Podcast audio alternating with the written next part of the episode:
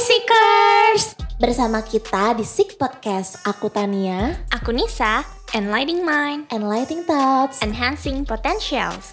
Seekers. Di episode kemarin, aku dan Nisa udah ngebahas soal insecure. Nah, udah pada dengerin belum nih? Ayo. Karena hari ini kita akan membahas mengenai topik yang relate juga nih sama kaitannya, yaitu soal privilege. Wah iya nih, privilege bisa dibilang salah satu hal yang bikin orang jadi insecure ya. Iya, Misalnya nih, kita ngelihat orang yang tiap hari bisa jajan di Starbucks. Eh, aduh. ngemil-ngemil cantik atau pakai barang branded yang lucu-lucu tapi aduh harganya bikin kantong menangis. Kayaknya nggak bisa sih, nggak iri. Benar. Dan ujung-ujungnya jadi ngebandingin diri ya Tan ya. Mm-mm, apalagi nih ya yang doyan jalan-jalan terus ngepost Hai gengs, gue lagi di Bali nih. Atau lagi ngebrunch di Paris terus depannya tuh menara Eiffel gitu. Aduh, Ya kan? iri, iri, iri. Bikin kita ngomong aku mah apa tuh cuma remahan rengginang atau butiran-butiran debu gitu kan? Iya, butiran debu banget ya Tan ya. Iya butiran banget lah kalau kayak gitu. Nah oke. Tapi kan kalau misalnya privilege itu kayaknya kita tuh nge-auto ngehubungin sama kekayaan ya. Padahal kan sebenarnya nggak gitu. Iya, kekayaan ternyata cuma salah satunya aja loh. Nah, tapi sebelum kita jelasin lebih lanjut, aku mau kasih tahu dulu nih definisi dari privilege. Privilege atau privilege dalam bahasa Indonesia merupakan hak istimewa yang dimiliki oleh orang tertentu yang bisa mempermudah banyak aspek kehidupan. Biasanya, privilege ini bisa dimiliki seseorang karena berasal dari golongan tertentu atau karena memiliki kekayaan. Nah, ini perlu diperhatikan yang seekers. Biarpun privilege memang bisa mempermudah kehidupan, bukan berarti orang yang punya privilege itu hidupnya selalu lancar dan sukses. Hmm, Kan?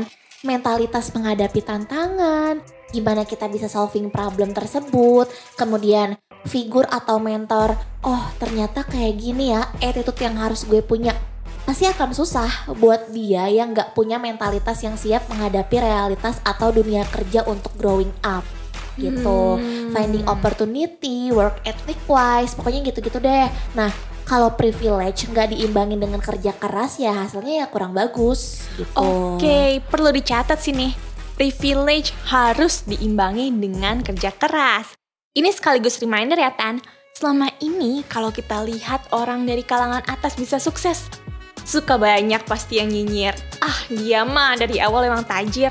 Starting pointnya bukan nol. Iya banget. Oke, sih. starting pointnya mungkin bukan nol dan mungkin dia akan lebih aman kalau dibandingkan kita yang nggak punya privilege kekayaan. Tapi kalau misalnya dia nggak kerja keras, mungkin kita bahkan nggak dengar namanya ya Tan ya. Iya benar-benar banget. Atau mungkin bakal jadi bahan julitan netizen juga nih. Oke. Hmm, tajir sih, tapi kelakuannya nggak banget. Ah, Sering iya kan tuh iya, ya sering dengar sih. gitu kan yang lagi Mm, mm, mm. kemarin. Uh. Hmm, sering kali kita juga nggak sadar ya kalau mempertahankan itu tuh lebih susah gitu sebenarnya dari meraih suatu tujuan gitu. Oke, iya iya. Jadi kayak penerus perusahaan yang sukses nih, kalau misalnya mereka berhasil mempertahankan perusahaan tetap sukses, orang mikirnya oh ya udah gitu. Tapi kalau misalnya nih mereka sampai gagal, hmm, langsung dah itu banyak yang nyalahin pasti. Benar, tekanannya sebenarnya gede banget. Heeh. Apalagi semakin di atas, semakin besar tanggung jawabnya. Jadi emang kita nggak ngeliat aja, karena setiap orang udah punya itu ujiannya masing-masing. Gimana kita ngejalaninnya aja. Setuju banget. Oke oke oke. Dari tadi kan kita udah banyak ngomongin tentang privilege kekayaan nih ya. Oke, Nah, ha? sebenarnya kekayaan itu termasuk jenis privilege apa sih menurut kamu nis? kekayaan ya, ekonomi. Iya benar. Pokoknya jenis privilege sosial ekonomi. Nah Oh. tapi tapi tapi selain itu tuh sebenarnya masih ada nih jenis privilege lainnya seperti ras, gender, religi dan juga kemampuan. Oke, contohnya gimana sih Tan? Nih, misalnya sewaktu zaman penjajahan Belanda dulu, pendidikan itu bebas diakses gitu untuk orang Belandanya. Sedangkan pribumi itu hanya sebagian kecil doang dan itu pun mereka yang dari kalangan pejabat atau ningrat. Oh, Nah, oke. Nah, lalu dulu juga sekolah itu diprioritaskannya itu untuk laki-laki. Jadi yang perempuan itu hanya bisa mengenyam pendidikan sampai tingkat tertentu doang gitu. Nah, terus ya udah setelah itu mereka disuruh mendekam aja di rumah. seperti kasusnya Ibu Kartini, Miss. Ah, eh pas banget nih Tan, Iya. lagi bulan April, Lagi bulannya bulannya Ibu Kartini. Bener, bulan April. Aduh, tapi itu perlakuannya diskriminatif banget. Ah, enggak banget, Gak enggak banget, banget. ya, diskriminatif banget kan. Nah, kalau untuk yang agama, contohnya kemudahan dalam mendirikan tempat ibadah dan melakukan kegiatan keagamaan. Kalau di Indonesia kan kita tuh banyak banget ya nemuin masjid sama musola. Iya, kan? kayak setiap RT RW ya Ah, ya. setiap RT RW pasti ada gitu musola. Tapi kalau misalnya di luar negeri nih, di mana agama Islam itu minoritas, jadi susah banget gitu buat cari tempat sholat. Bener, I can testify. Jalan-jalan, ya. cari tempat kan? sholat tuh di Jepang misalnya, atau di Amerika atau Eropa. Aduh, Susah ya?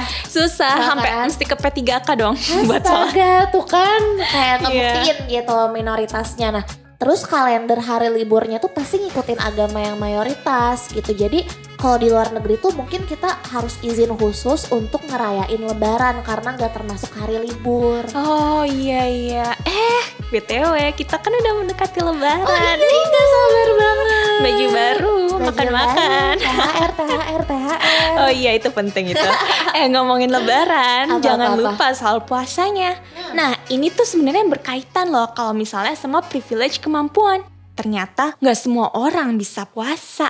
Misalnya nih, mereka yang lagi sakit parah atau ada penyakit tertentu yang bikin mereka jadi nggak bisa ibadah puasa. Iya benar setuju sih kalau itu. Aku juga jadi mau nambahin bagi kita nih yang tubuhnya sempurna dalam artian tidak ada cacat fisik, gerakan sholat kan jadi relatif lebih mudah ya. Mm-mm. Mm-mm, Nah tapi nih bagi orang yang difabel ada beberapa gerakan yang mereka tuh nggak bisa lakuin secara sempurna karena adanya keterbatasan. Ah iya iya, ah, aku bisa relate sih. Kenapa kenapa Soalnya dulu ya agak sedikit ceroboh, jadi emang sempet ngerasain yang namanya pergelangan kaki, cedera gitulah kesleo.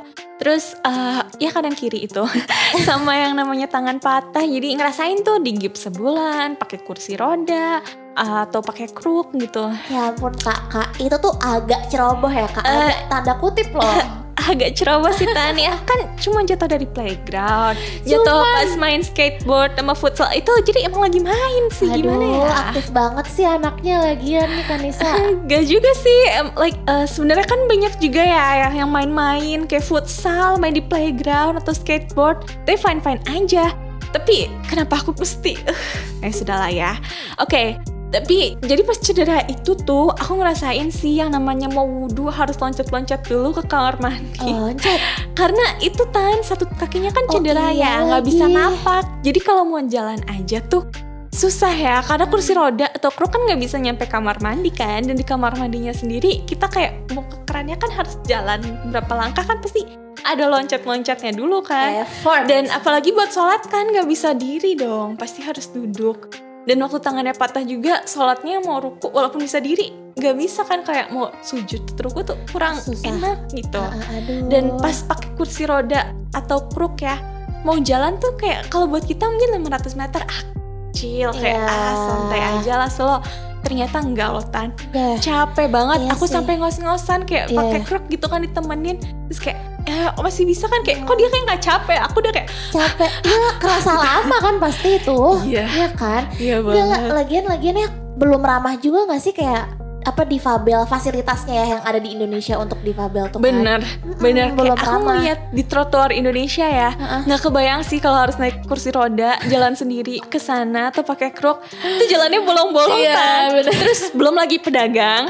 terus ada yang parkir motor itu gimana coba Nah makanya nih ya Zikars kemampuan ini tuh sebenarnya privilege banget loh gitu. Jadi bukan cuma kekayaan doang ya. iya Hmm. sayang banget masih banyak yang belum aware dan ngira privilege itu sebatas kekayaan mereka ngeluh padahal mereka punya privilege yang nggak kalah berharganya yaitu kemampuan Nah itu nih makanya ya kita itu perlu untuk lebih aware dengan privilege yang kita miliki.